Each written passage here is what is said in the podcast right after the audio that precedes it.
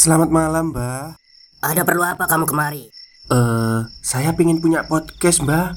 Biar pacar saya makin cinta sama saya. Loh, loh, loh. Mau bikin podcast kok tanya dukun? Sekarang kamu download aplikasi Anchor.fm. Di situ kamu bisa buat podcast gratis dan podcast kamu bisa didistribusikan ke platform mana pun. Dan di aplikasi atau website Anchor.fm juga terdapat fitur-fitur yang memudahkan kamu untuk membuat podcast. Oh, gitu ya, Mbak. Kalau gitu, saya boleh minta password wifi-nya, Mbak. Buat apa? Buat download Anchor.fm, Mbak.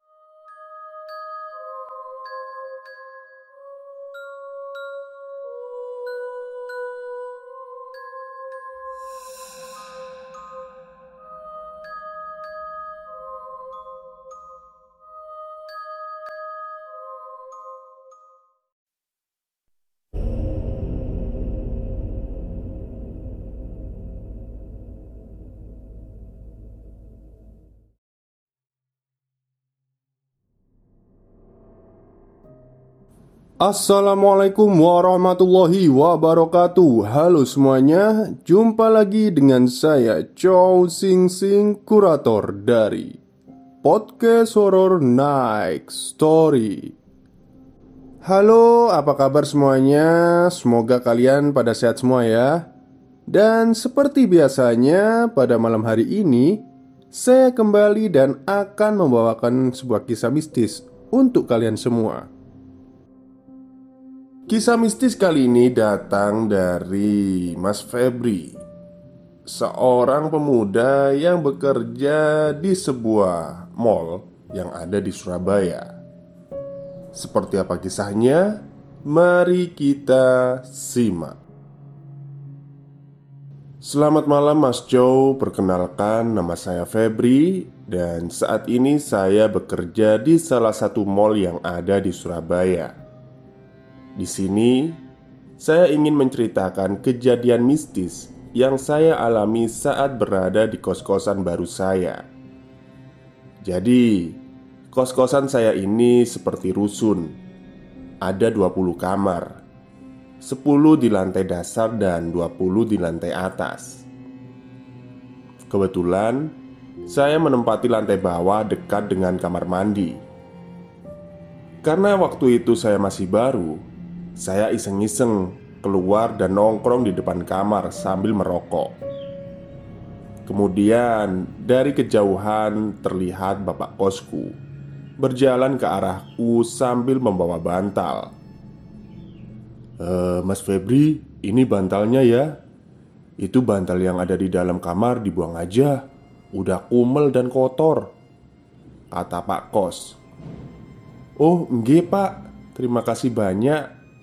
Jawabku dan kemudian bapak kosku meninggalkanku begitu saja.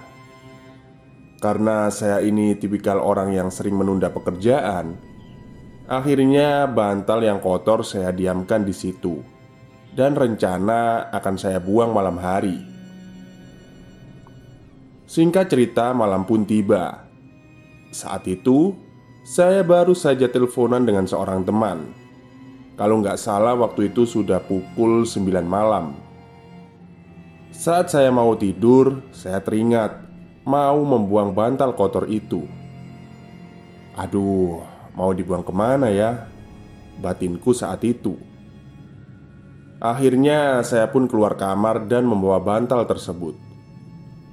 Saat keluar kamar Dari kejauhan Saya melihat ada gerobak sampah di luar pagar kos-kosan.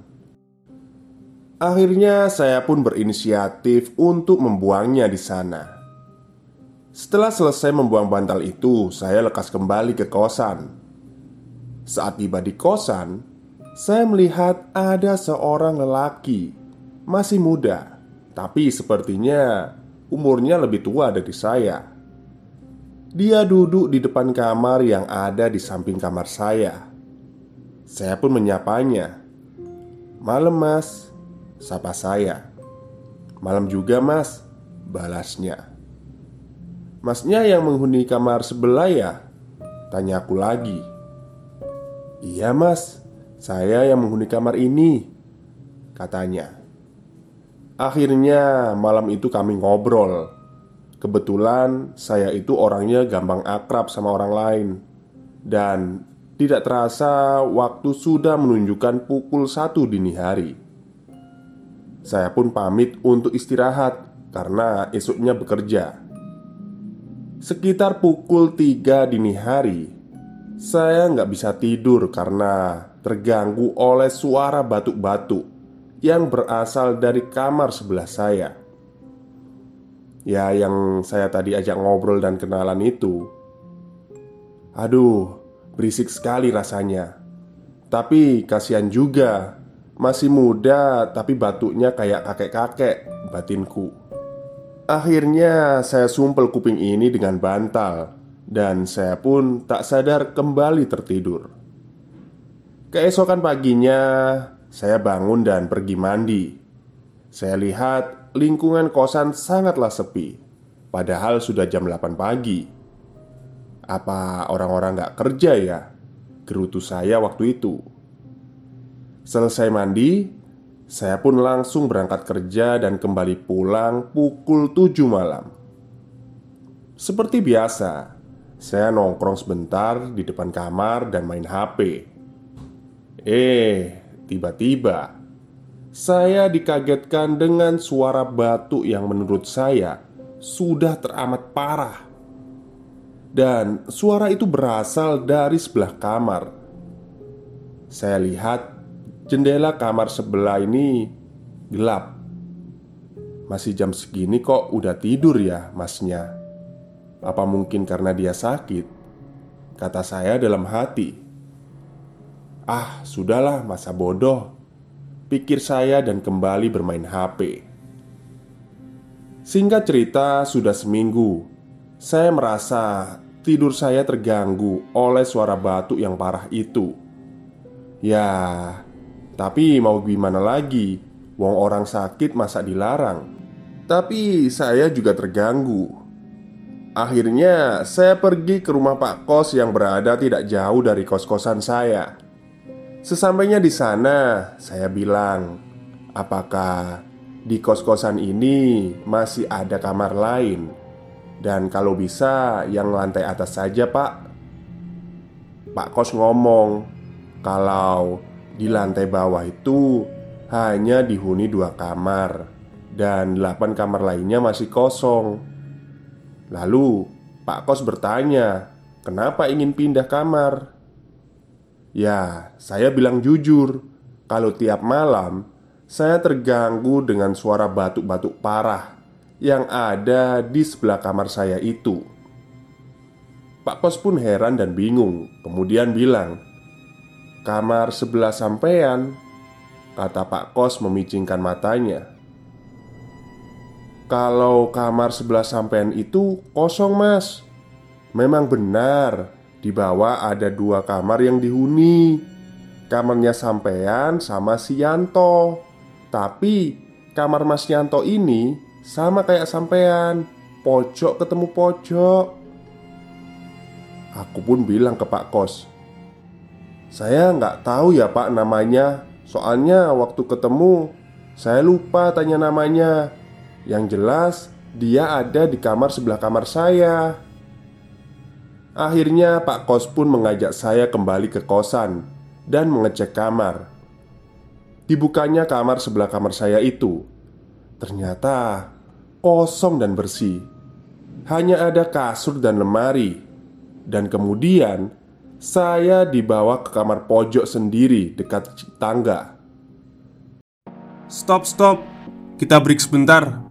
Jadi gimana? Kalian pengen punya podcast seperti saya? Jangan pakai dukun, pakai anchor, download sekarang juga. Gratis. Saat Pak Kos mengetuk pintu, keluarlah seorang pemuda, dan memang namanya Yanto. Saya pun juga pertama kali bertemu dia, dan dia bukanlah orang yang waktu itu saya ajak ngobrol. Waduh, Terus siapa dong yang ngobrol sama saya waktu itu?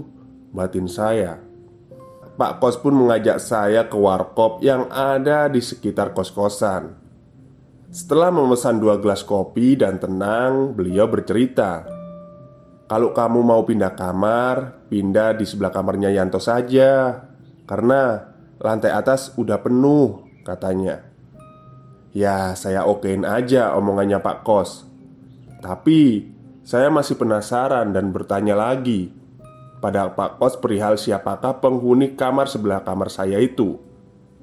Dan akhirnya Pak Kos pun bercerita bahwa tiga bulan sebelum saya pindah kos sini, ada seorang lelaki yang menghuni kamar itu. Namanya Anwar.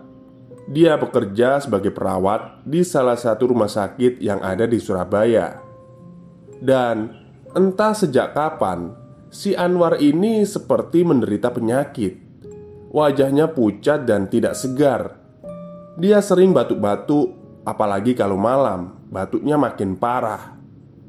Karena merasa tidak nyaman, orang-orang yang menghuni di sekitar kamar Anwar memutuskan untuk pindah.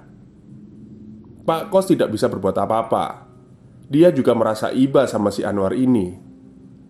Tidak lama kemudian, si Anwar ditemukan tewas dengan posisi duduk di depan kamarnya. Mendengar cerita dari Pak Kos, saya jadi merinding dan memutuskan untuk pindah kos saja. Untungnya, Pak Kos ini orangnya maklum dan mempersilahkan saya untuk pindah ke kosan lain. Dan karena saya merasa tidak enak sama Pak Kos, saya bilang ke Pak Kos, "Pak Kos, uangnya tidak usah dikembalikan yang tiga bulan itu, biar Pak Kos gunakan saja." Ya, padahal saya baru saja menempati kosan ini seminggu lebih. Sekian cerita dari saya, Mas Chow, dan kejadian ini terjadi sekitar tahun 2019.